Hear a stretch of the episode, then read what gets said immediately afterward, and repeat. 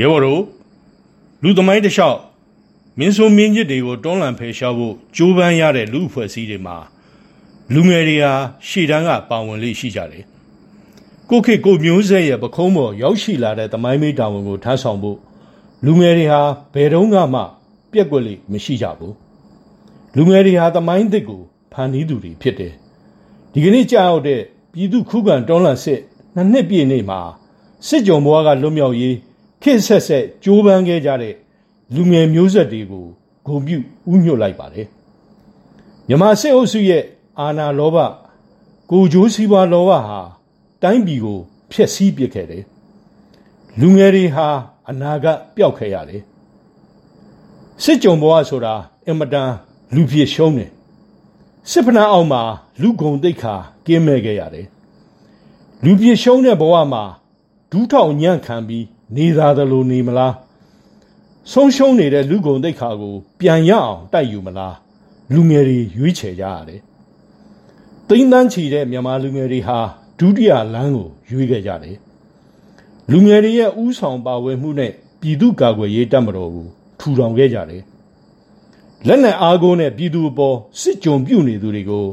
လက်နက်ကင်တွန်းလှန်ဖယ်ရှားပစ်ဖို့မှတပါလူငယ်တွေမှာတခြားရွေးချယ်စရာမရှိခဲ့ဘူး ပြည်သူခုခံတော်လှန်စစ်နှစ်နှစ်ပြည့်ချိန်မှာတော်လှန်ရေးဟာအလှည့်ပြောင်းတစ်ခုစီရောက်ရှိခဲ့ပြီလို့ဆိုနိုင်တယ်။နိုင်ငံရေးစစ်ရေးစစ်မျက်နှာတိုင်းမှာတော်လှန်ရေးအင်အားစုတွေကအပေါ်စီးစစ်အုပ်စုကအောက်စီးဖြစ်ခဲ့ပြီဆိုတာမြင်တာတယ်။ဒီအချိန်နေနဲ့ပတ်သက်လို့ပြည်သူခုခံတော်လှန်စစ်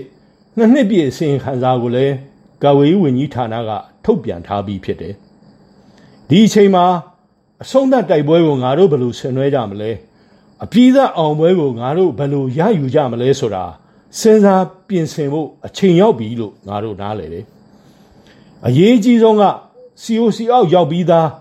တပ်ဖွဲ့တွေရဲ့တိုက်စွမ်းရည်ကိုငါတို့မြင့်တင်ကြရလိမ့်မယ်ဒီအတွက်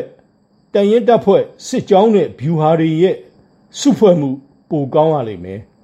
လေ့ကျင့်မှုပိုကောင်းရလိမ့်မယ် အမိန်ပေးမိန်နာခံမှုပိုကောင်းရလိမ့်မယ်လက်နဲ့နဲ့ဗျူဟာပိုကောင်းရလိမ့်မယ်အရင်ကံကတော့ရဲဘော်တူးချင်းရဲ့စိတ်ဓာတ်ခိုင်မာမှုပဲတော်လန်ရေးပေါ်စုံစုံဖြတ်ဖြတ်ရှိပြီးတော်လန်ရေးမအောင်မချင်းငါပါဝင်မယ်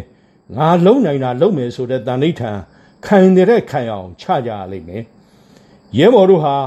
အောင်ပွဲနဲ့ထိုက်တန်သူတွေဖြစ်တယ်ဆိုတာရဲဘော်တို့ရဲ့ သက်စွန့်ကြိုးပမ်းမှုတွေကသက်သေခံပြီးဖြစ်တယ်ပြည်သူတော်လှန်ရေးမုတ်ချအောင်ရမယ်